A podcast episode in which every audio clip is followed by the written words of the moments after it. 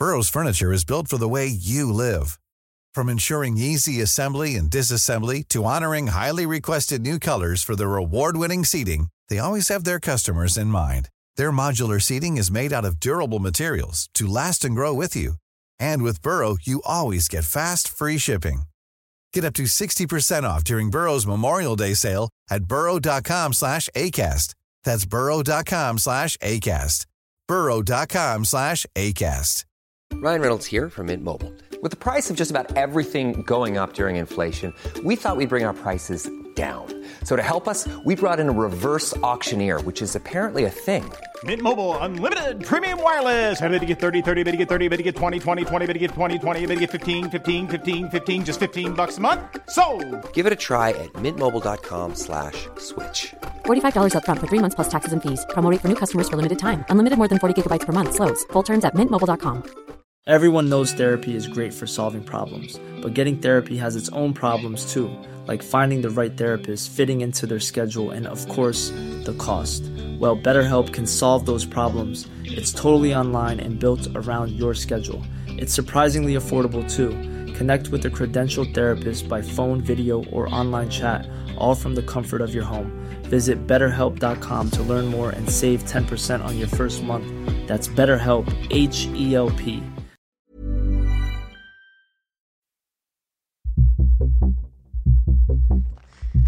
Berätta, vad, vad är det, varför har sökandet eh, avbrutits?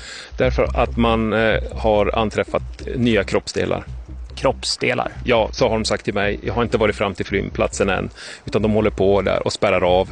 Eh, vi ska få dit eh, fler, fler alltså experter på området, rättsmedicinalläkare, kriminaltekniker som ska få göra sitt jobb på så att det går rätt till. Eh, så att i nuläget är det bara avspärrat. Hur eh, påträffades eh, de här kroppsdelarna? Ja, det var i skallgångskedjan. Så eh, var det, som jag fått till mig nu, militärer som såg någonting som såg suspekt ut och så gjorde de halt och så skickade man fram en polisman som skulle värdera fyndet och sa, ja, ville kolla närmare på det och kunde bekräfta att det var kroppsdelar och då valde man att spärra av. Så det var alltså militärer som påträffade de här kroppsdelarna? Jo, de gick i främsta ledet då i, i skallgången och eh, det var så det var tänkt från början att man skulle eh, ha militärerna som gick i- i fronten och eh, så fort de gjorde någon eh, som, som helst fynd så skulle man göra halt i kedjan och så skulle man skicka fram en polisman då som gick i, i ledet bakom för att göra en värdering. Vad är det för slags kroppsdelar? Det vet jag inte i nuläget. Det kommer jag att eh, kolla upp så fort eh, man börjar undersöka. Vad kommer att hända nu? Det kommer att vara en fortsatt avspärrning tills vi har fått hit experterna. Det, det är det jag vet nu. Jag vet inte om eh, polisinsatschefen har gjort någon annan bedömning men så kommer man att göra och jag tror inte att man kommer fortsätta söka på ett tag nu utan eh, vi ska kolla upp det där och, eh, och se vad det är för någonting innan vi fortsätter. Men det är hundraprocentigt, eh, med säkerhet 100% kroppsdelar. Svar ja. Den 20 maj hittar man alltså de första kroppsdelarna tillhörande Bachareya. De hittas in i en övergiven gammal byggnad som kommer att kallas för det gula huset. Och det är Vatcharees båda ben som hittas och som till synes verkar tvättade och nyligen ditplacerade. Två dagar senare hittas resten av hennes kropp, med undantag av hennes båda händer, som än idag saknas. Polisen har sedan en tid tillbaka fattat misstankar mot Kristoffer Johansson och dagarna innan fynden görs har Kristoffer span på sig. Den 23 maj, dagen efter Bachareyas kropp hittas, beslutar man sig för att gripa honom. Och sen greps han ju den 23. Hade ni span på honom hela tiden från den 20 på morgonen till han greps? Alltså vi, vi hittade honom inte förrän den 21. Så att hela dygnet den 20 fram till den 21. Där spaningsprogrammet på natten som jag skrev mellan 20 och 21. Då, då hade vi tre adresser som vi bevakade. Eh, adressen i, i, eh, i Bodforsen, eller ja, Bodsvedjan heter det väl. Bodseden, ja. Och eh, föräldrarnas sommarstuga samt eh, föräldrarnas bostad i Svartbyn. Så vi hade tre stycken områden vi tittade på. Så ni sökte honom på? Ja. Men du säger att ni började den morgonen klockan fyra eller fem och men ni hittade honom inte förrän den 21. Vilken tid den 21 hittade ni honom? Ja, det vet jag inte riktigt. Men det var på eftermiddagen där. Det var efter, alltså dag, daggänget. Någon gång efter lunch så anträffades han på en restaurang i, i Boden. Mhm. Och sen försökte vi följa han efter det då. Hade ni eh, dygnet runt spaning efter det att han hittades där på Ja, det hade vi. Fram, då visste ni hela tiden var han var? Ja, alltså så gott som. Eh, man vet ju aldrig vart alla är hela tiden. Nej. Det går liksom inte att, men, men eh, vi försökte följa han så gott som möjligt. Mhm.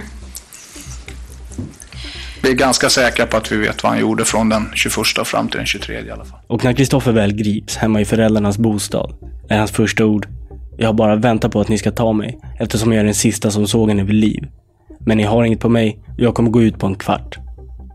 Men han kommer snart att bli skäligen misstänkt för mordet och kommer att sitta häktad länge i väntan på rättegången. Och vi kommer nu höra Kristoffers version om vad som hände under tiden för Bachareyas försvinnande. Och den kommer kantas av en rad kontroversiella uttalanden och teorier. Men först har vi Kristoffer inledningsvis berätta om sin relation till Bachareya. Det är förhör med Kristoffer Johansson. Och åklagarna får inleda. Varsågod. Mm, tack. Ja, Kristoffer, vi har ju förstått här att du har haft en relation med eh, eh, Ploy tidigare. Jag kan börja med att fråga, kallar du henne Ploy?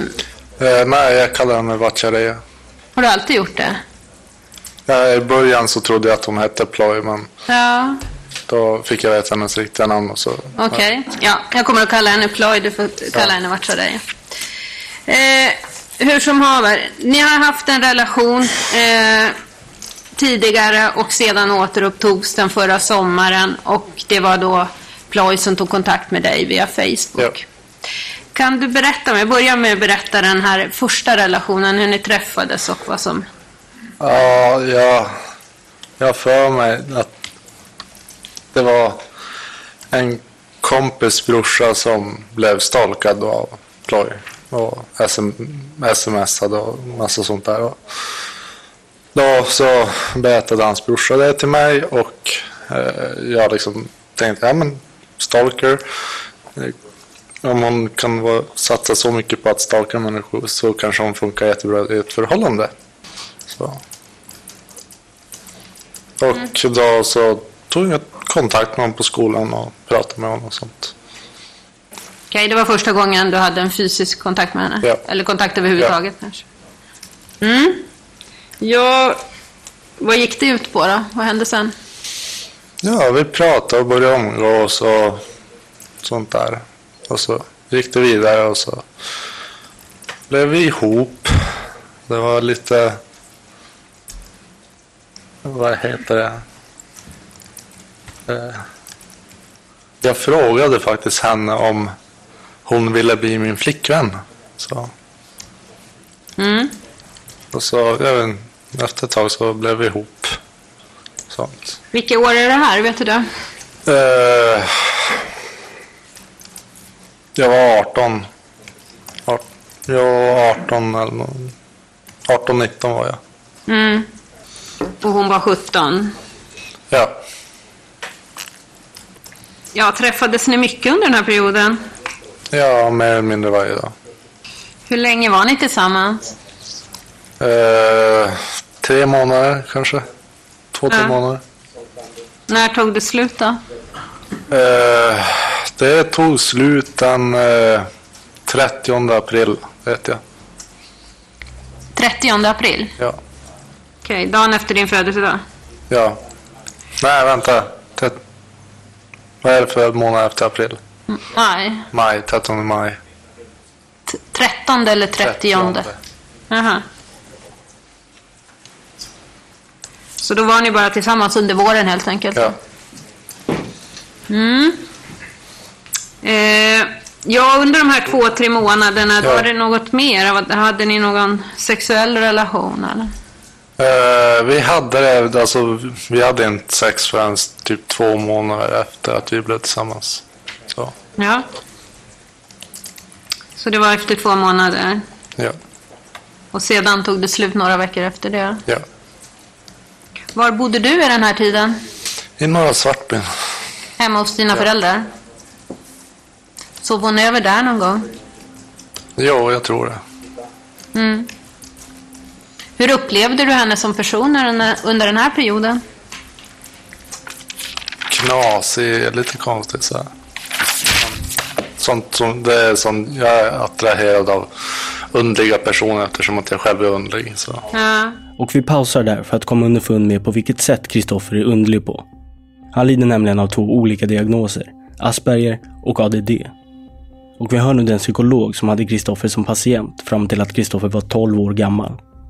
Vi, har, vi vet ju att vi vet ju Kristoffers diagnos Asperger och ADD. Eh, kan du först generellt berätta vad, vad kan det innebära för problem för en person med den diagnosen generellt sett? Det där var en väldigt svår fråga. Men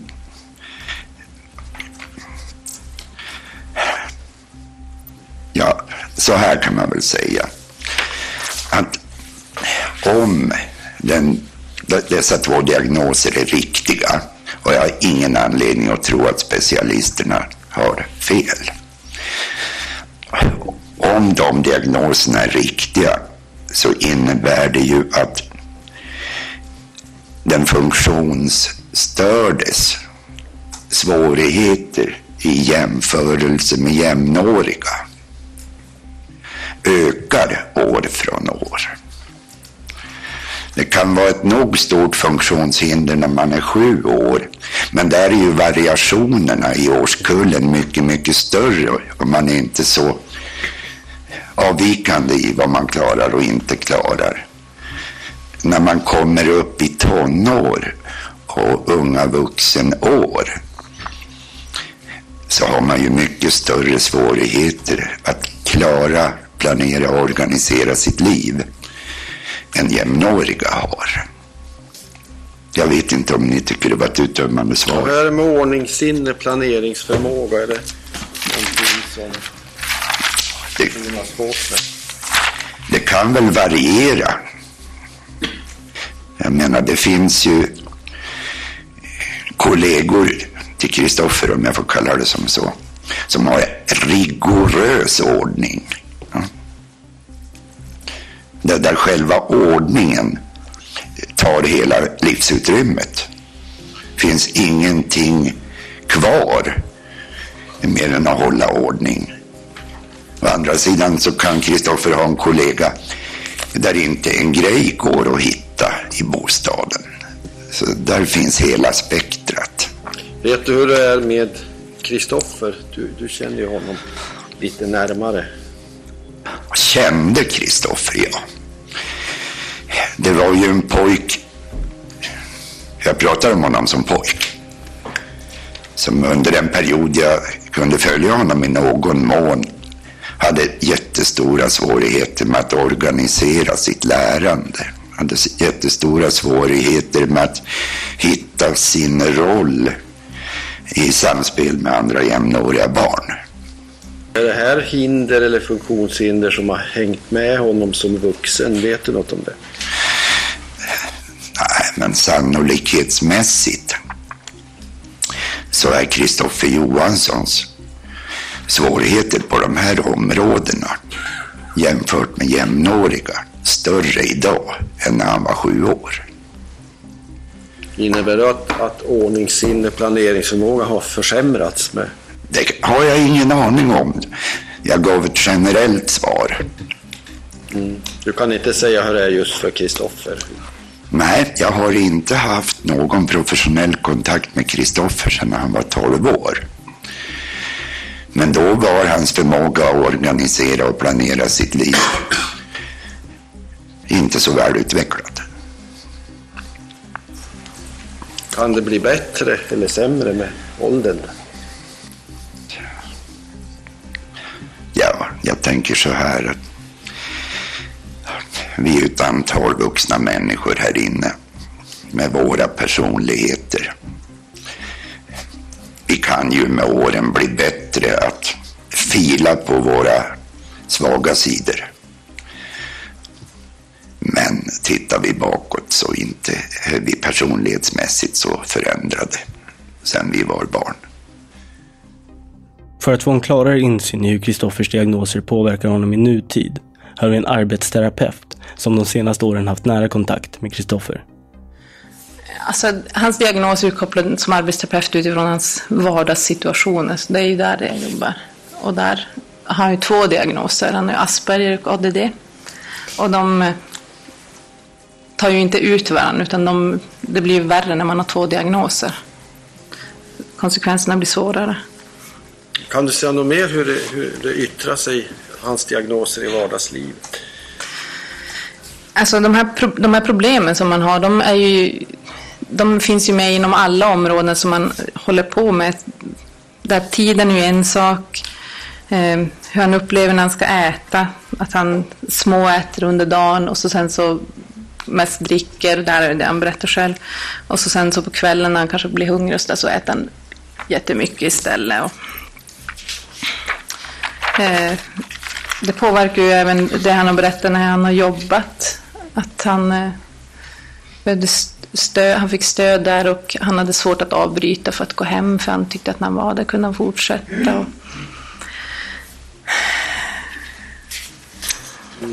Jag ska säga lite mer. Ekonomin påverkas hur man sköter den. Han berättade att han har hjälp av mamma. Hon tar, han ger en bit av pengarna så att det ska finnas och räcka över hela månaden. Till pengar, eller till mat. Eh, Hur skulle du säga att han upplevs av, av andra personer? Har du någon uppfattning om det? udda, ska jag tro. Han är ju inte... Eh, ögonkontakt är ju någonting som man ofta har svårt med. Det har Kristoffer också, eller det har han också svårt med. Eh, mimik och gester och sånt där kanske inte alltid blir adekvata. Det handlar ju om eh, i stora drag, de här eh, diagnoserna, i stora drag så handlar det om att man har svårighet med socialt samspel och kommunikation och att man fastnar i ritualer och intressen. Det är Asperger. Och sen så är ADD att man är ouppmärksam. Och den här sociala interaktionen är ju åt båda hållen. Dels kan det vara svårt att tolka andra men även hur- man ska uttrycka sig själv. Och det är både språkligt och även eh, kroppsspråk. Mm. Eh, när du hördes av polisen så hade du nog att fundera k- kring hans möjlighet att begå ett sånt här brott och dölja. Ja, man försöker väl någonstans förklara för sig själv också när det händer någonting sånt här och tänker som, ja men om Kristoffer har gjort det så borde det synas hemma. Varför kan du säga? Ja, därför att utifrån hur han har tagit rätt på sin lägenhet tidigare så tänker jag att det skulle vara svårt att, och vad heter det nu, städa. Han har ju svårt att städa i vardagssituationer. Men å andra sidan så är det ju så att när man är, vi utan de här neuropsykiatriska diagnoser som Kristoffer har, så, så kan vi motivera oss med att man borde och att man behöver saker. Det räcker för att man ska städa. Det är inte så många som är jätteintresserade av att städa och ändå har man städat hemma. Och när man har de här diagnoserna, det man vet är att man har lättare att motivera sig när det är saker som man vill göra. Och då funkar man ju bättre och lyckas bättre.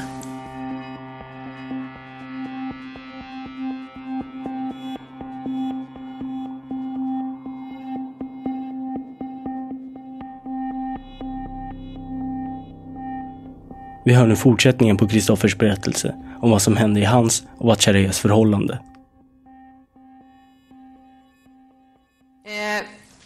Du dumpade henne säger du. Kan du berätta hur det gick till och varför? Eh, jag var på en fest hos eh, Jag var full och så pratade han om eh, ja, negrer eh, och folk. Vilket var intressant eftersom att på sommaren så blev han faktiskt brunare än vad hon var. Så det var lite Nu motsägelsefullt. har jag lite svårt att höra vad du säger. Eh, på sommaren, det var lite motsägelsefullt eftersom att eh, på, eftersom att på sommaren så blev han faktiskt brunare än vad hon var. Så. Mm. Men vad, den här pratade om negrer. Ja, men han är, han är sån. Jo, en men kompis. jag förstod inte vad hade det med dig och att göra? Ja, men han, han, han ansåg att eh, eh, personer eh, personer som inte kommer från Sverige som har- är mörk i huden är neger. Men det, det är som man, då var han liksom 17, 16, 17 och sånt. Jo, jo, men precis. Men, det var hans åsikter, men Ja. vad hade det med dig att göra? Ja, jag var ju tillsammans med vad han kallade en neger. Ja. Och? Och det var väl inte någonting han tyckte om direkt. Jag vet. Nej. Och då på festen så tyckte han att jag skulle göra slut. Och så var jag jättefull och så gjorde jag slut. Kristoffer berättar hur han drabbas av ånger över sättet han dumpar Vatchareeya på. Men det var för sent att göra någonting åt det. Följande år ignorerar Vatchareeya Kristoffer fram till hösten 2012 då känslorna kring uppbrottet verkar ha lagt sig och Vatchareeya tar kontakt med Kristoffer igen över Facebook. Kontakten upplevs som neutral, alltså inte kärleksfull eller flörtande och de inleder en sporadisk vänskapskontakt. De träffas och umgås titt som tätt och ibland, enligt Kristoffer, så har de även sex. Då enbart när de båda varit på samma fest och båda varit onyktra. Det finns dock inget som tyder på att de skulle vara flickvän och pojkvän med varandra. Den 4 maj kontaktar Vatchareeya Kristoffer om att hon vill sitta hos honom och plugga till ett prov. Och vi hör nu Kristoffers version om vad som hände den dagen. Ja, sedan så var hon ju hos dig den 4 maj. Kan du berätta lite om det? Hur det kom sig? Ja, eh, vi, kom, vi snackade dagen innan och så sa hon att hon skulle komma och plugga hos mig och så skulle hon komma och så typ, jag vet inte, jag erbjöd väl henne att jag skulle komma och hämta henne. Så. Och då kom jag och hämtade henne och så tutade jag när jag var nedanför. Och så tog det ett tag. Jag, jag hade ju lämnat telefonen hemma. Så. Mm. Och så eh, kom hon ut och det kom ut en tant i blå klänning och sån här rullator. Eh, strax innan henne och så kom hon ut och så blev, såg hon lite förvånad ut och så ja, så satte hon sig i bilen och så åkte vi till mig. Mm. Så. Du, eh, vad hade du för tanke med att hon skulle komma till dig den här eftermiddagen? Jag vet inte, hon, det var väl, hon skulle plugga. Det var klart. Ja, det är det jag har för mig. Ja. Hon, det sista sms, eller det är inte det sista men nästan det sista smset hon skriver till dig, där säger hon ju jag ska bara plugga, det kanske blir tråkigt för dig. Ja, jag vet. Uppenbarligen.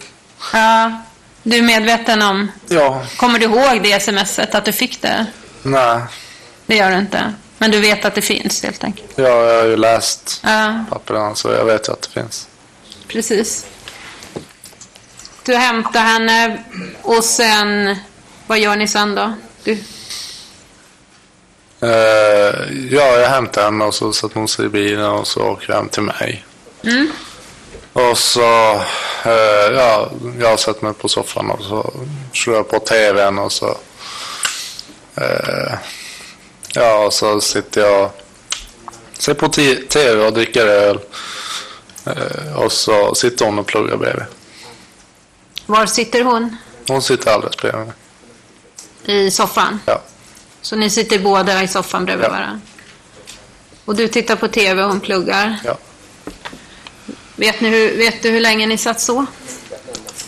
Någon, några timmar. Jag vet, jag har ingen bra tidsuppfattning. Nej. Jag har svårt att komma ihåg så långt var. Det är ju liksom ett halvår. Jo. Teknikerna har bevisat att klockan 17.09 försöker Vatchareeya ringa 112 men slår stjärna istället för att ringa. Och det är även kring denna tid som Vatchareeyas karatetränare mottar sms från Vatchareeya som lyder något i stil med “Han är knäpp, vi måste prata”. Vi fortsätter lyssna på Kristoffers redogörelse för kvällen som kommer att bli mer och mer anmärkningsvärd. Mm. Eh, ja, då pluggade hon och du tittade på tv. Ja. Ni satt bredvid varann. Pratade ni med varandra? Ja, Vad pratade ni om? lite smått. Typ karate och... Eh, ja, allmänt hur det gick i skolan och sånt. Mm. Kanske. Du är lite osäker. Ja. Mm, Du drack öl. Hur mycket öl drack du? Alltså då hade ju... Då satt jag bara och sög på en, en flaska. Hela tiden hon var där? Ja, jag tror jag öppnade en typ kanske strax innan hon skulle åka. Den andra då i så Ja. fall. Eh, mm. Ja, vad hände sen då? Sen så när Vampire Diaries började så efter ett tag så la hon ner blocket. Och så ja, la hon sig och, och så, så låg vi bara på soffan och myste. Mm. Och så eh, började vi hångla efter det. På soffan? Ja. Kan du berätta mera? Eh, ja, men efter ett tag så förflyttade vi väl oss till sovrummet har jag för mig. Mm. Ja, vad hände då? Eh, ja, men vi hade väl, vi hade oralsex. Ja, kan du beskriva? Jag vet inte hur mycket måste jag beskriva? Ja, du måste berätta. Hur Jag skulle utförligt? vilja veta vad ni gjorde. Ja. Eh, hon säger av mig och jag slickade av henne. Ja, hur gick det till då? Tänkte mera med Alltså- kläder och grejer. Eh, så vitt som jag minns så det kan mycket väl vara fel men jag har för mig att mina byxor stannade som på och hennes stannade inte på. Mm. Hur gick det till? Ja, alltså när hon sög av mig så drog hon väl ner det hon behövde. Jag vet inte. Du vet inte? Jag minns inte. Nej. Du vet inte hur det, hur det gick till? Jag minns inte hur det gick till. Du minns inte? Ja, alltså jag kan ju spekulera hur, hur Nej, men det är ingen idé. Utan berätta bara vad du minns. Du behöver, jag ska inte hålla på och gissa. Eh, jag minns det att hon sög av mig och sen att jag slickade av henne. Mm.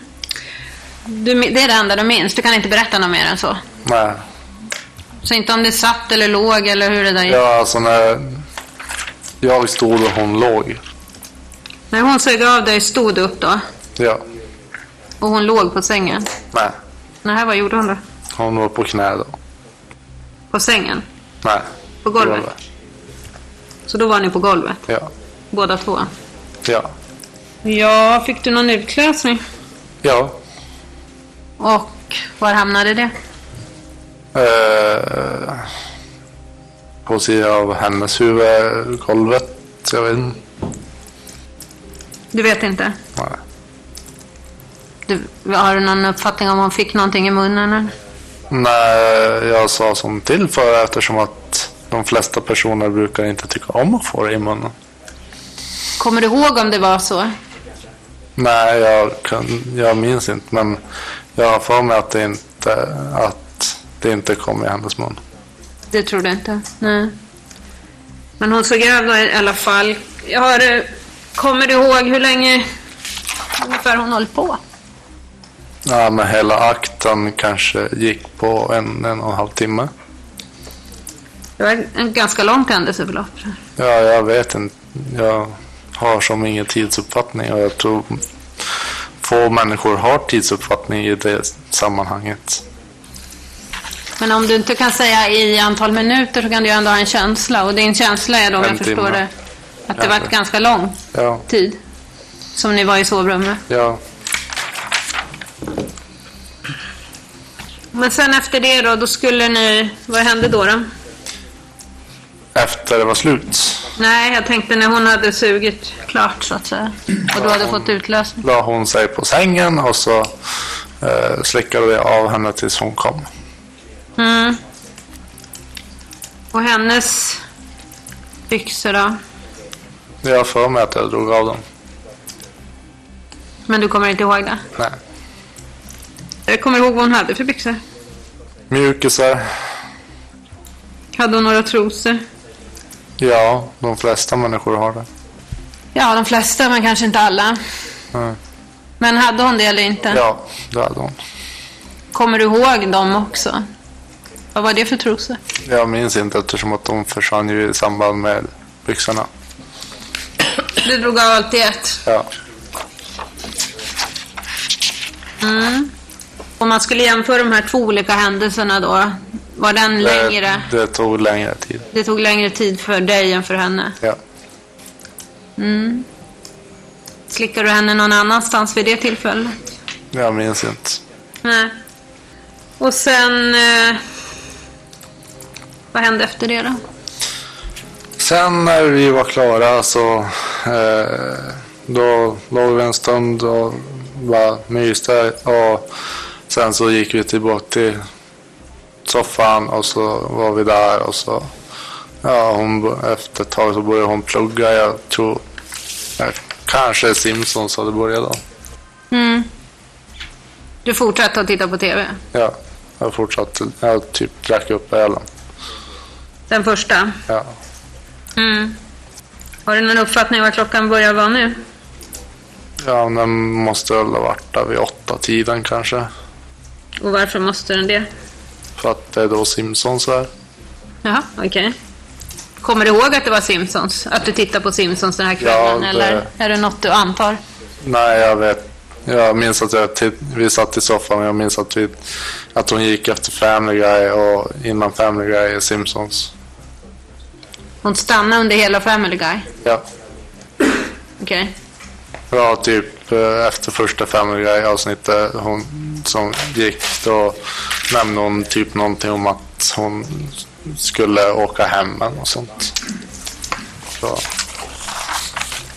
Och efter Family Guy så och, gick hon. Ja. Och så fick hon en plastpåse av mig att ha de här böckerna i och sånt. Ja. Vad var det för plastpåse? Gul Ica Supermarket kanske. Det var precis. Ja. Det är för att jag har fått berätta några gånger jag minns vissa grejer. Du har fått berätta det? Ja. Var det så du menade? Det lät som fått berättat. Men du har själv berättat det? Ja. Så du är säker på det? En gul lika? Ja. Eh, du berättar ju här idag ganska utförligt om den här eh, sexsituationen. Mm. Kommer du ihåg vad du har berättat i för polisförhör om den? Nej. Är det helt blankt det också? Det, jag har ingen aning om vad jag har sagt i förhör. Nej. Ingen aning alls? Nej, jag bara vissa detaljer. Typ plastpåsen och eh, den där blåa tanten med rullator och sånt där. Mm. Du har haft väldigt svårt att berätta om Ja. detta. Du berättar mycket mer idag än vad du har berättat tidigare. Ja, jag, jag kan inte uttala mig om det. Så. Det har du ingen aning om. Det du har berättat om det här, det är, det vad du kommer ihåg? Är vad jag kommer ihåg och vad jag tror jag kommer ihåg. Ja. Har du själv svårt att skilja på de två? Ja, lite grann. Det är ju ett bra tag sedan. Mm. Jo, det är det.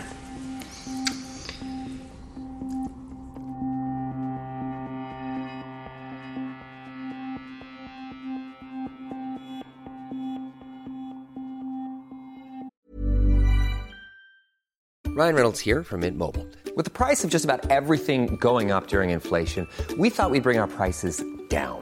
So to help us, we brought in a reverse auctioneer, which is apparently a thing.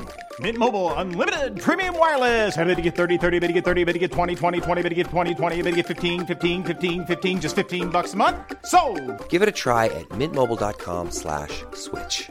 $45 upfront for three months plus taxes and fees. Promo rate for new customers for limited time. Unlimited more than 40 gigabytes per month. Slows. Full terms at mintmobile.com. Hey there, it's Michelle Norris. I'm host of a podcast called Your Mama's Kitchen. When I travel, I'm usually looking for a way to find a taste of home when I'm not at home. And one of the things I love to do when I am at home is entertain. And Airbnb allows me to do that. When I was in California recently, I rented a house that had a great kitchen. And when we were sitting around the table, we're all thinking, we're in someone else's house. Someone could be in all of our homes as well.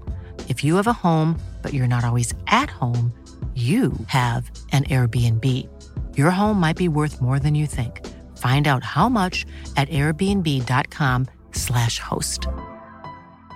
Everyone knows therapy is great for solving problems, but getting therapy has its own problems too, like finding the right therapist, fitting into their schedule, and of course, the cost. Well, BetterHelp can solve those problems. It's totally online and built around your schedule. It's surprisingly affordable too. Connect with a credentialed therapist by phone, video, or online chat, all from the comfort of your home. Visit betterhelp.com to learn more and save 10% on your first month. That's BetterHelp, H E L P. Rättegångsförhandlingarna övergår i en ny dag, men kammaråklagare Anna Bergström fortsätter att fråga ut Kristoffer om vad han gjorde under detta dygn. Framförallt var fram på kvällen, efter att han uppgett att Vatchareeya lämnade hans lägenhet åker hem till sin bror. Eh, Okej, ja då hade hon gått och vad hände då då? Eh, Efter att hon hade gått så liksom började jag dricka lite mer öl och så såg jag på lite musik och så liksom kände jag mig ensam och så liksom undrade jag vad lillebrorsan höll på med och så liksom efter ett timme, två timmar, en timme och så åkte jag till lillebrorsan. Vad drack du för någonting? Eh, fem, sex öl, eh, Mm. export. Var det samma som du hade suttit och druckit en? Ja. Jag tror det är fem, tre eller något sånt. Export? Ja. 5,3 procent. Ja. Och vad var tanken med att sitta där och dricka 5-6 öl? Jag, vet inte. Jag, jag är en sån som bara sitter och dricker och lyssnar på musik, tittar på film och Mm. sånt. Även fast det inte finns något arrangemang till. Nej. Det var inget konstigt, tycker Nej, du? inte för mig. Hur länge var det då? Hon gick vid nio. Ja, men så, sen så åkte jag till lillebrorsan. När var, vad var klockan då ungefär? 22, typ, Ja. Kanske. Du klämde de här ölen på en timme då ungefär? Ja, ungefär. Mm. Varför skulle du åka till honom? Jag kände mig ensam. Så vad han höll på med. Morsan och farsan var ju i utlandet så jag vill... Jag känner mig ensam. Du ville ha sällskap alltså? Ja. Jaha. Så det var därför du åkte till honom? Ja. Mm. När du kom dit då? Vad gjorde du där? Ja, då gick jag... Eh, jag alltså, jag körde ju inte laglig hastighet precis när jag körde dit. Och så. Eh, parkerade jag bilen eh, bredvid lillebrorsans på parkeringen där framme och så eh, som gick jag till utanför köksfönstret så såg jag att de satt där och så började jag så här vinka jättemycket så här. Och så till slut så såg de mig och så gick jag in och så Mm. Vilka är de? lillebrorsan och hans kompis. Så de var två stycken där? Ja. Vad gjorde de då? De satt och spelade musik och drack öl. Vad gör du när du kommer då? Ni Ja. går in i huset någonting? Ja, alltså jag går in och så sätter jag mig och lyssnar på dem ett tag. Gör du det? Ja. Hur länge är du där inne? Några minuter. Mm. Jag kan inte säga exakt tid. Några minuter, det låter som en ganska kort stund du satt där. Ja, men alltså någonstans mellan en, en minut och en timme. Så jag kan inte säga exakt. Jaha, du har ingen aning? Nej, alltså min tidsuppfattning är så. Mm. Satt du på någon stol bredvid? Jag eller satt vad? på soffan. på soffan? Ja, Mm. kökssoffan. Satt de eller stod de? De satt på stolarna runt bordet. Vad gjorde du Ja. sen?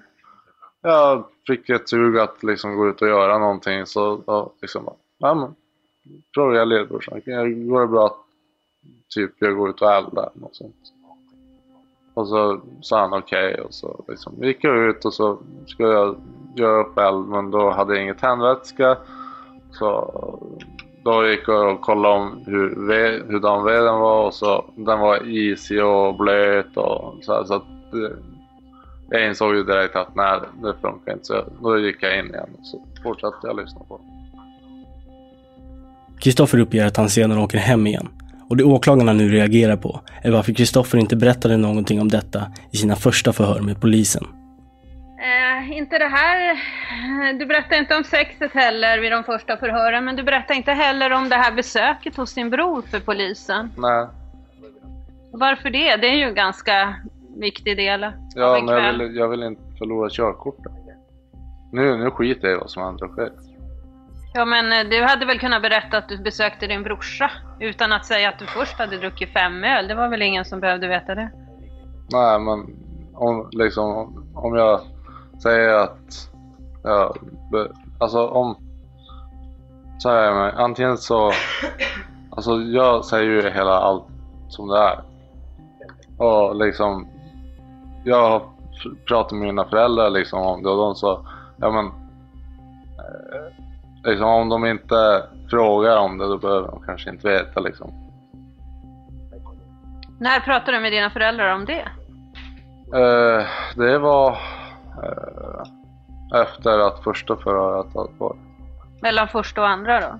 Ja, Mellan den åttonde och tolfte? ja. Okej. Men inte heller den åttonde sa du ju någonting. Nej.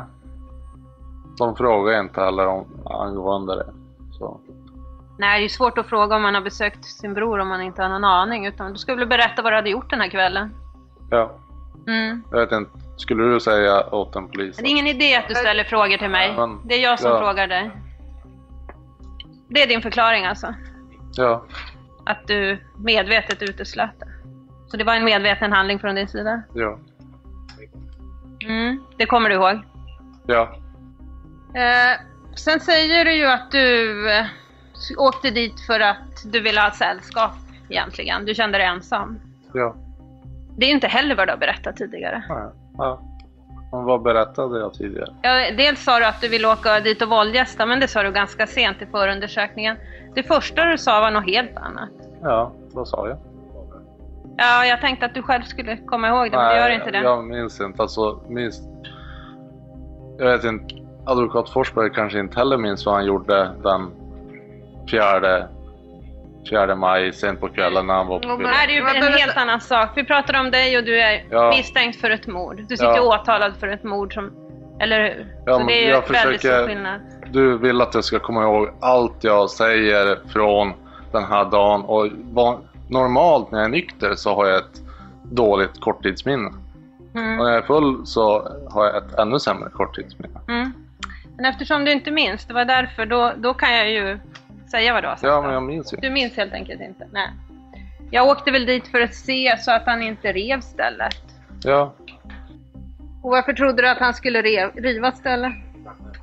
jag trodde inte att han skulle riva stället. Jag ville bara åka dit och se till honom så att han hade det bra, vad han gjorde och sånt. Så jag kände mig ensam.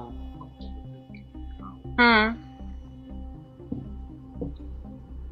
Har du någon aning om hur lång tid du var där överhuvudtaget? Totalt? En timme kanske. Totalt en timme? Ja, jag vet inte. Eh, Tror en timme. din bror, han uppskattar tiden totalt till 20 minuter. Mm. Ja, det kan mycket väl stämma. Det kan stämma att det var så kort så att säga. Ja, du var in och ja. så var du ut och så in igen. Jag har ingen, tidsupp... ingen Nej. tidsuppfattning. Mm. Tog du med dig någonting därifrån? Nej, inte så vitt jag minns. Nej. Sen då kom du hem. Ja. Vad hände när du kom hem? När jag kom hem så...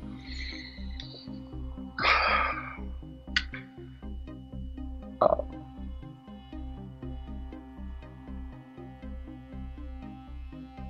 Ja, jag... Ja, jag vet inte. Alltså, alltså jag... Nu kommer det in på mina sexuella vanor.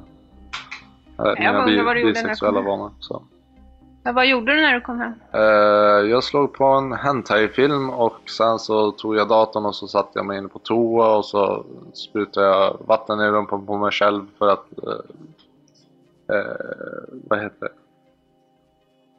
Massera prostata och sånt där och så... Etc, etc, Vad sa du? Etc, etc. Jaha, okej. Och vad är det? Eh, bland annat använda en flaska som en dildo. Mm. Och du stoppade in flaskan i stjärten då? Ja. Är det så du menar? Ja. Och det gjorde du på kvällen? Ja. Var det direkt när du kom hem eller? Nej, men alltså kanske en timme, halvtimme efter jag kom hem. Mm. Jag vet inte exakt. Nej. Typ vid 11, halv 12 tiden eller något? Du har ingen aning egentligen? Jag vet inte, men det var i alla fall på kvällen. Kommer du ihåg att du smsade med Robin Åkesson efter midnatt? Nej, inte direkt. Jag tänkte om du kan säga om det var före eller efter? Bara efter jag åkte från hemifrån. Som du, nej, men som du använde flaskan här? Jag vet, nej, det kan jag inte säga. Nej, okej. Men du kommer ihåg det som ganska nära inpå där du kom hem alltså? Ja, Ja. Och du var inne i badrummet? ja. Ja. Och du använde en flaska. Vad var det för flaska? Åbro kanske det var. Alltså det, det, det syns på bild. Från bilden från mitt badrum. När, så finns det en bild som är riktad mot badkaret och då står flaskan alldeles där. Så, flaskan som du använde kvällen den fjärde, den står kvar den Ja. 23 alltså? Ja. Ehm, Och just det, jag använde smöret som glidmedel. Så. smöret, eh, Bregottpaketet Ja, eller? och det ju finns flytande margarin i. Det var det som slutades på. Ja, men det där flytande margarinet i vita skåpet det är typ ett, ett och ett halvt år gammal eftersom att det var då jag tappade bort nyckeln till skåpet. Jaha, så det har legat där inne? Ja, Men det, det var samma syfte till att du hade det badrumsskåpet? Ja. Men det är det här eh, Bregottpaketet du menar? ja. Så det ligger också kvar från den fjärde då, på Ja. golvet? Utöver Kristoffers redogörelse för vad han använt flaskan och smörpaketet till, så är det även anmärkningsvärt att han under dessa 16 dagar, från att han använt sig av dem i badrummet, tills att han blev häktad, inte någon gång plockar bort dem från badrummet. För den 23, då platsteckningarna tar bilder i hans lägenhet, lägger flaskan och smörpaketet där. Och dessa bilder hamnar sedan i förundersökningsprotokollet. Och denna vet man att Kristoffer noggrant läst igenom. Utan att spekulera allt för mycket så känns det troligt att han har sett dessa bilder och utifrån det skapat en efterhandskonstruktion som då ska förklara varför han morgonen efter ställer in de planer han har. Mm. Eh, just det. Ja. Då var det där på toaletten då. Vad hände sen? Ja, alltså efter, sen, efter ett tag så blev jag så utmattad så att jag somnade. Var somnade du? På, på sängen tror jag. Sängen eller soffan. Brukar du sova på sängen? Inte ofta, men ibland. Det händer. Ja, det händer. Mm. Okej, så sov du. Vad hände sen då? Sen på morgonen så vaknade jag av att jag desperat var tvungen att gå på toa. Mm. Eh, Och det är en av bieffekterna av att spruta upp vatten i rumpan för att det händer typ till 30 procent av gången. Men, eh, då hade jag i alla fall fått diarré av det så eh, då så satt jag på toa ungefär en timme eller något så gick jag till, tillbaka till där jag sov och så eh, plockade jag upp mobilen och så skickade sms till de, de andra. Ja men det blir ingenting då. Alltså träning. Så när du skickade smsen, då hade du redan suttit på toa en timme? Ja. Ja. Och då säger du, det blev ingenting. Då tycker jag, kan du berätta, vad var det du ställde in för någonting? Vad var det ni skulle ha gjort den här Eh, söndagen? Det var ett airsoft-träning för att träna eh, förflyttning och eh, stridstekniker. Det var de nya medlemmarna som skulle få lära sig. Men Mm. det var ju bara en träning och så här så då kände jag att jag kunde ställa in det. Var inte så många som skulle komma. Nej, hur många var ni totalt ungefär? Sex, Mm. sju kanske. Det är viktigt att här poängtera att vänner och anhöriga till Kristoffer alla har vittnat om att Airsoft är Kristoffers absolut största intresse. och en hobby han tar på oerhört stort allvar. Han har tidigare bara en enda gång ställt in ett så kallat spel, då för att för få personer kunde närvara. Så känslan här är att han i rätten undervärderar och bagatelliserar den på söndagens inplanerade airsoft-träning. Vad eh, hände sen då? Efter Sen det somnade jag om och så... Eh, sen vaknade jag och gick på toa och så somnade jag om och så vaknade jag och gick på toa. Mm. Och så... Sen där vid typ 12-tiden kanske så hade det slutat. Och så... Ja, och så sen efter ett tag så liksom kollade jag om vad gjorde och sånt där och så åkte jag till han. Mm. Det råder olika versioner om när Kristoffer åker hem till sin kompis A. Enligt både Kristoffer och A anländer han vid 12-tiden. Men enligt A's föräldrar är det närmare 17-tiden. Dessutom finns det kvitton på att Kristoffer handlar på Coop Konsum klockan 14.47. Och någon gång här, man vet inte exakt när, raderar även Kristoffer alla sina sms med Vatchareeya. Eh, du har, ni har ju haft en hel del sms, eller ja, Ja. en hel del, men eh, en sms-kontakt under hela den här perioden ska jag säga. Ja. Och, och samtliga de smsen har ju återskapats. Eh, men eh, de har precis återskapats. De var eh, raderade allihopa. Ja. Eh, kan du förklara det? Att de raderades eller? Ja, precis. Varför de var raderade. Eh, ja, jag re- rensade ut i telefon. Du rensade ut i telefonen. Ja, det tror jag har för mig att det var så. Kan du förklara lite grann? Eh, mycket sms på telefonen. Eh, man rensar ut för att hålla reda på allt. Det var för att du tyckte den var för fullt i telefonen, eller det- vad? Jag har för mig att det var så. Ja. Vad hade du för telefon här under våren? En iPhone. En iPhone, ja. Och de smsen är samlade efter person då? Ja. Mm. Ja. Eh, jag sa ju liksom till polisen när de tog- kom och hämtade min telefon där första gången. Ja, men, det är ju lätt, hur lätt som helst att återskapa iPhone. Men den här iPhonen, du säger att du raderade smsen för att hålla ordning i telefonen nu. Jag för mig om att det var så. Ja, du är lite osäker. Ja, alltså om ni vill ha mer konkreta svar så är det bara att ni kollar efter i förhören. Jo, Att jag minns inte exakt varför. du vet inte idag varför. Nej. Varför hade du raderat alla hennes sms? Eller sms till och från henne? Ja, nej, jag kan inte svara på det helt hundra procent. Och inte nog med att all sms-historik mellan han och Vatchareeya raderas, så går även Vatchareeyas telefonsignal ner under Kristoffers hemmamast. Och det är nu åklagare Ulrika Schönbeck som ställer frågor kring detta till Kristoffer.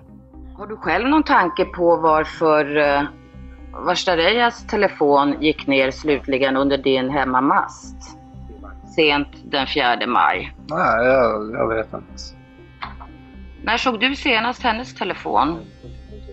Ja, det var ju då den 4 maj. Det var den 4 maj. Kan du erinra dig exakt i vilken situation det var? Nej, inte direkt. Det kan du inte. För det som har förbryllat oss lite grann, eh, det är ju det att, att hennes telefon går ner under din hemmamast eh, på ett som de analytikerna sa, på ett onaturligt sätt. Det vill säga Ja. den är inte avslagen och, eller liknande utan den har helt enkelt eh, antingen då förstörts på något sätt, man river ut batteriet, kastar det i vatten, gör någonting, en extraordinär liksom, Mm. åtgärd. För annars skulle det hamna i signaleringslistorna. Det som jag tyckte inte framkom av utredningen, det var att eh, hur är signal- signaleringslistan om telefonen får slut batteri? Om den får slut batteri. Det framkom inte. Ja. Men det är eh, nog sagt på det sättet att om, om batteriet tar slut, då slås telefonen av på ett sådant sätt att... att eh, Ja, jag vet inte. Du vet inte? Nej. Nej. Man måste ju ha fått slut på det igen. Jag, jag vet inte. Du vet inte? Du, eh, det var ju också så att, att eh, hennes... Eh, att vinkeln på masten är ju precis densamma ända tills hennes telefon dör. Det är 270 heter den vinkeln och det framgår av signaleringslistorna. Ja, jag, Exakt samma vinkel, 270. Ända fram tills den går ner och aldrig mer kommer upp. jag kan inte svara på det tekniska på det sättet. Jag har ingen, jag har ingen utbildning för det, så jag kan inte svara på det. Mm. Och Ulrika Schönbeck fortsätter utfrågningen om vad Kristoffer gör dagarna efter den 4 maj. Ditt, eh, vad, vad hände då efter det att, vi vet ju då att både på söndag kväll och på måndag kväll eh, och även på tisdag kväll så var du hos och, och spelade. Ja. Vad var det för slags spel? Eh, De spel som vi spelar det är World of Tanks och War Thunder. Eh, Okej, så ni satt och spelade då de kvällarna? ja. Mm, mm. Sen vet vi att polisen tog kontakt med dig den 8 maj. Ja. Och det var ju då på kvällen. På onsdagen där. De ringde till dig och du svarade inte först och sen var de hem till dig och ringde på och du öppnade inte dörren. Sen ringde de tio minuter senare och då sa du att du var hemma, att de kunde komma. Ja. Är det riktigt? ja. Ja. Och anledningen till att jag inte öppnade dörren var för att jag inte var hemma. Okej. Mm. Kommer du ihåg var du var då? då? Jag var nog ute med soporna. Ja, okej. Och eh, hade du då klart för dig när polisen kom hem till dig att eh, eh, Ploy var försvunnen? Nej, det, det, alltså jag hade fått veta via brorsan att han var med i någon grupp som heter Missing People på Facebook. Och så sa han liksom, ja men hon är, tydligen så är hon borta och jag liksom bara, jaha, ja. Alltså jag visste ju inte vad Missing People var då, så jag, jag tänkte att det var någon sån här skämtgrupp grupp på Facebook. Så, men alltså, jag liksom bara, jaha. Hon är borta, visste du att det var ploj man pratar om då? Ja, alltså han, eh, han eh, ville då att, eller han visade mig då när jag var hemma och liksom, jag mötte han hemma hos morsan och farsan. Jag skulle kolla vad han gjorde, se om han behövde sällskapen. Men han var inte hemma utan det var brorsan där och typ skulle hämta ett släp eller något. Så då liksom bara, ja men hon, Hörra, så har du hört att din, för att, att alltså din före detta flickvän är borta? Så. Och då liksom, ja, va? Hur vet du det? Ja, men jag är med på Missing People.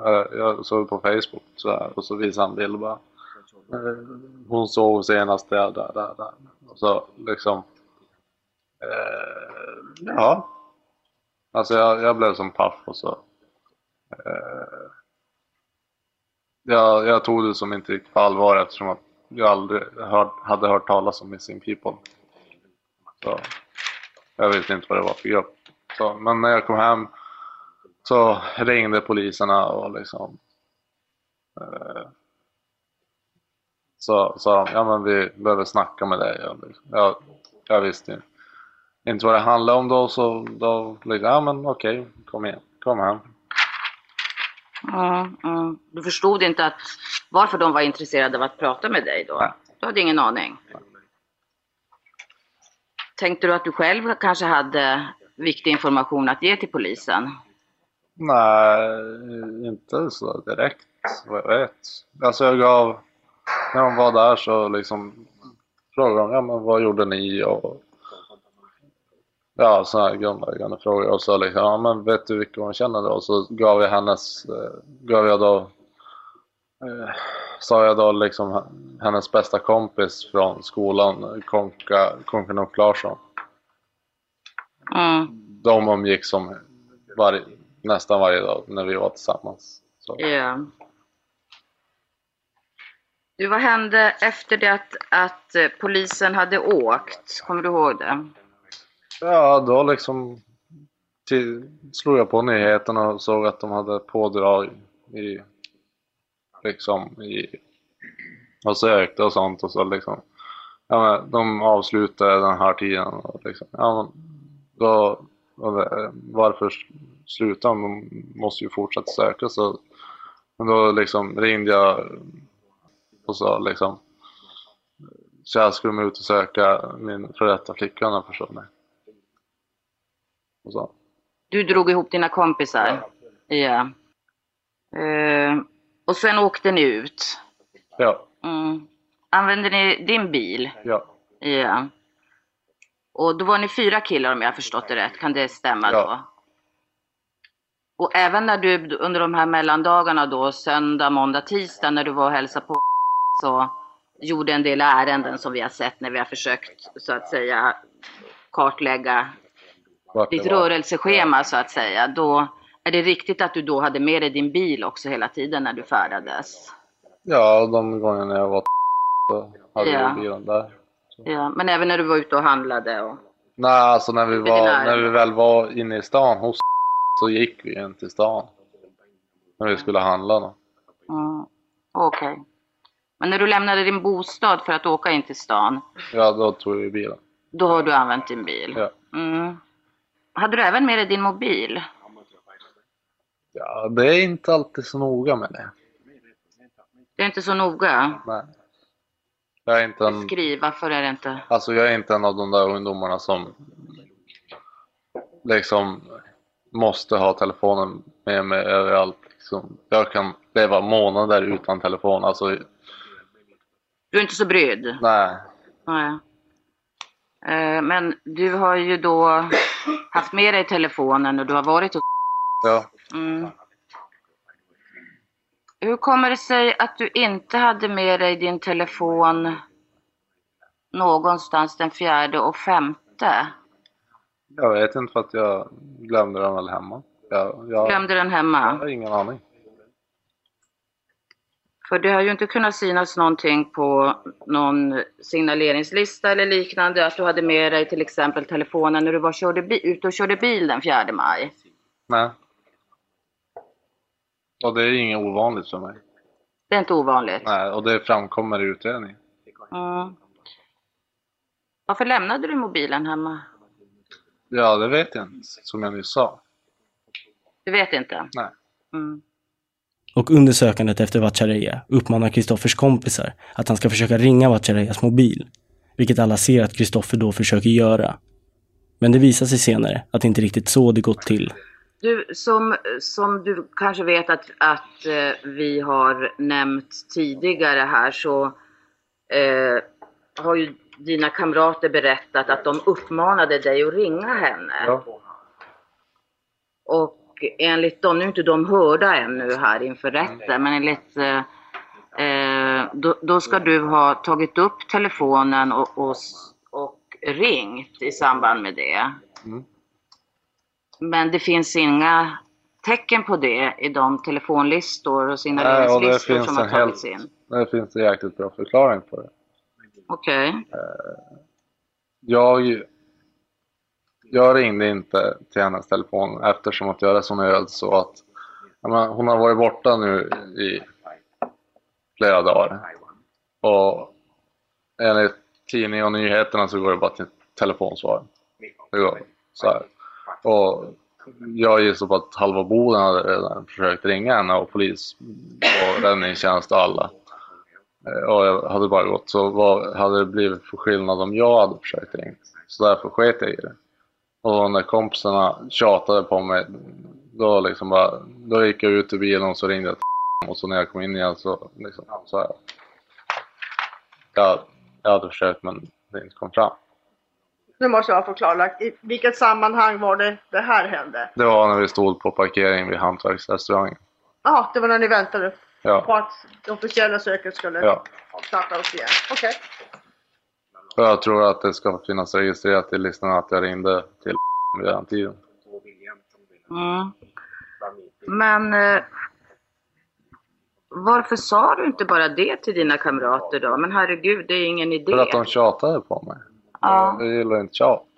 Du gör inte det, nej. nej. Kristoffer, hur kom det sig att du inte sökte henne en enda gång? Jag sökte ju henne, jag var ju Men inte själv. per telefon? Men för att halva boden hade redan ringt och alla sa ju att eh, telefonen var avslagen. Så var, varför skulle det göra skillnad? Jag förstår inte. Jag förstår inte varför alla tycker att det är så konstigt. Liksom. Om, om man resonerar som jag gör så är det helt logiskt. Så om en person är borta och ännu inte återfunnen och väljer att vara borta till exempel, då kan man ju slå av telefonen och sen slår man på den igen. Var det inte så att du liksom kände att jag kan faktiskt få tag på värsta Reja? Nej, för att vi var ju som bara kompisar. Om, var eh, om, hon hade varit, om hon hade varit borta och gjort på det sättet som du sa, eh, då hade hon ju vid det här laget hört av sig till mamma eller pappa. Mm, det tycker man ju. Eller till räddningstjänsten. Eller något sånt där. Eller till någon annan av hennes kompisar. Okej, så du hade redan där då väldigt onda aningar? Ja, alltså. Jag tänkte liksom, ja, men om, hon, om det inte är någon som svarar på telefon. Om hon inte svarar på telefon, om den är avslagen, varför ska jag då lösa ett samtal på att försöka ringa? Jag försökte, Lösa ett samtal jag försökte koncentrera mig på att hitta henne. Fysiskt hitta henne. Mm. Varför tror du kompisarna tjatade så mycket på dig där? Jag vet inte. Du vet inte? De resonerar väl inte på samma sätt som jag gör. Nej, de kanske resonerar som de flesta andra, skulle jag vilja säga. Men eh, som också framgår i utredningen så är jag inte som de flesta andra. Vad sa du? Så? Så, som det faktiskt framgår i utredningen så är jag inte som de flesta andra. Mm. Så du eh, eh, då låtsas ringde? Nej, jag låtsas ringde inte utan jag ringde till Okej. jag hörde när han skulle komma. Ja. Någon av kamraterna säger att det skedde vid flera tillfällen att du så att säga tog upp telefonen. Ja, det, det kan jag, om någon säger att det hamnar på flera ställen, då, alltså jag kan inte ställa mig till vad de har sagt. Nej. Men du, och du vet bara ett. Ja, jag vet att jag eh, ringt istället för att ringa till henne. Det vet du. Och det var på uppmaning av kamraterna att Ja. ring henne nu. Vad sa du till kamraterna då när du själva verket hade ringt? Nej, men att eh, hon svarat. Och så var det klart. Det var, då blev det inget mer tjat. Mm. okej. Sen på eh, dagen där då, då är vi framme på den 9 maj, som då är torsdagen där. Söket började tidigt på morgonen. Hur gick det här tyckte du? Vad, vad gjorde du? Vilka sök var du med i och så vidare? Jag var med, vi hade ju min grupp då vi sökte av segment 36 minns jag. Och, eh, ja, vi- alltså vi sökte av där eh, från viadukten över och så sökte vi av hela skogsområdet fram till gångbanan som går där under, under 97an. Och under söket uppe på berget tillsammans med vännerna råder det vissa frågetecken kring Kristoffers beteende. Det finns någon uppgift i förundersökningen att du hittade någon eh, En energidryck. energidryck, ja. Vad gjorde du med den? Jag hällde ut lite såg att det var rätt. Så, så luktade jag på den. Ja, det luktade vanilj och så. Eller hallon eller något sånt där. Och så smakade jag på den. Smakade inget konstigt så drack jag. Och så drack du av den. Ja.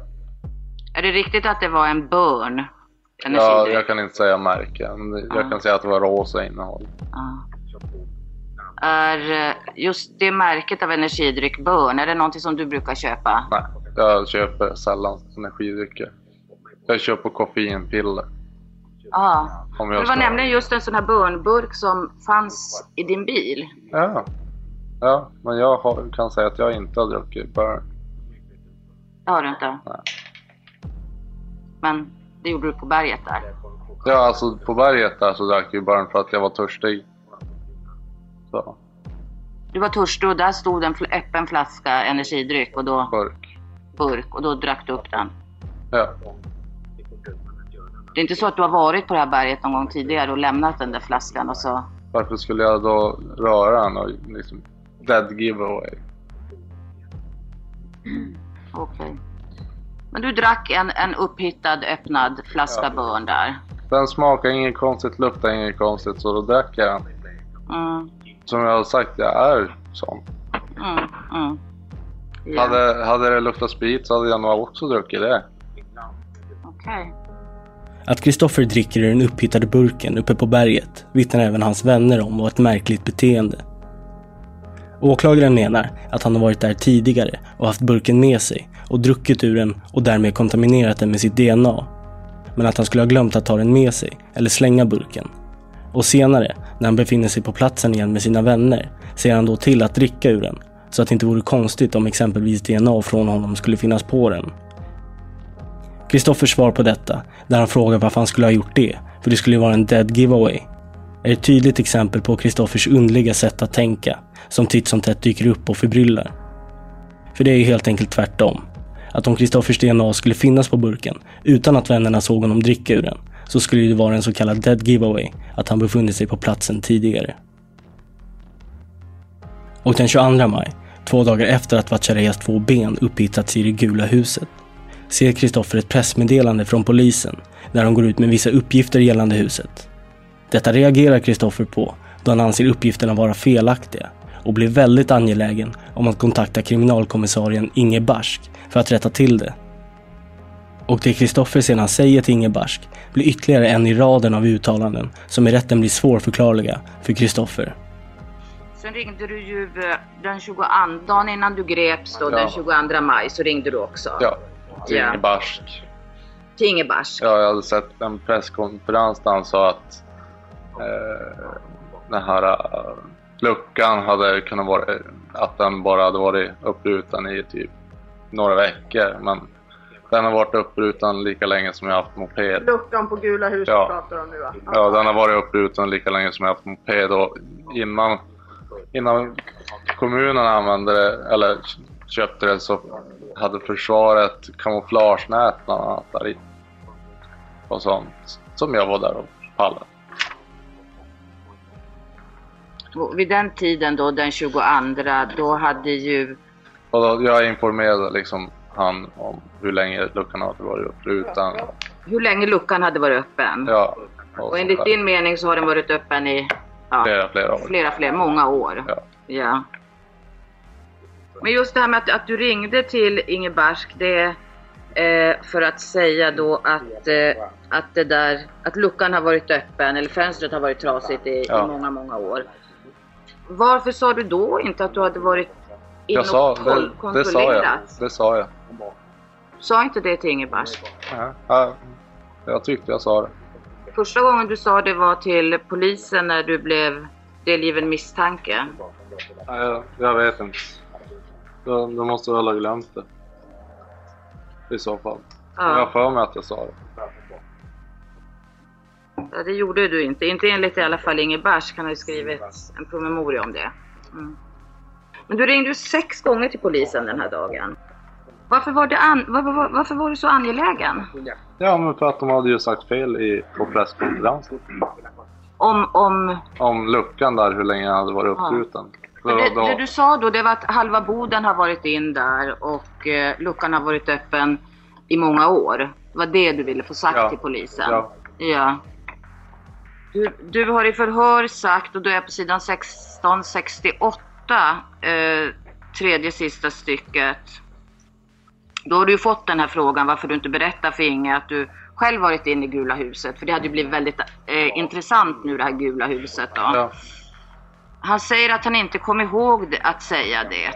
Och att han orkade inte ringa upp igen eftersom det var så lång väntetid. ja, då kan det, känns mycket möjligt att det kan vara så. Ja, Men jag har för mig att jag sa det, men det kan mycket väl stämma det. Att du inte orkade ringa upp igen då. Nej, precis. Mm. Mm.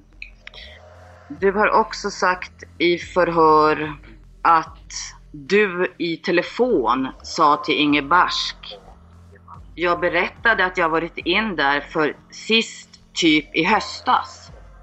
Ja, men det kan mycket väl också stämma. Så I sådana fall så har du lämnat en helt oriktig uppgift då. Men jag var där inne sist. Jag har varit där förra hösten också. Okej, så i telefon, mitt under när det är som mest centralt det här, så säger du till Inge Barsk att du har varit i huset i höstas, men nämner inte att du har varit där under den tid hon har varit borta. Men jag, jag, jag, hade för mig att jag sa till Inge Barsk att den då... Men Ja. uppenbarligen så gjorde jag ju inte det. I sista delen om styckmordet i Boden kommer vi höra åklagarna pressa Kristoffer kring de besvärande fynd som hittats i hans lägenhet och i hans bil. Samt även höra vilken roll Vatchareas karatetränare hade i utredningen. Och utöver det kommer vi även höra en del vittnesmål och uppgifter som visar på en mörkare sida hos Kristoffer.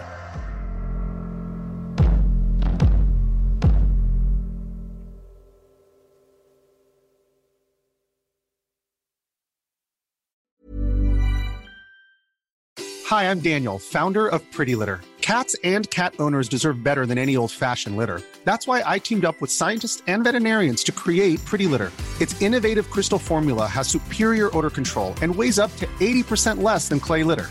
Pretty Litter even monitors health by changing colors to help detect early signs of potential illness. It's the world's smartest kitty litter.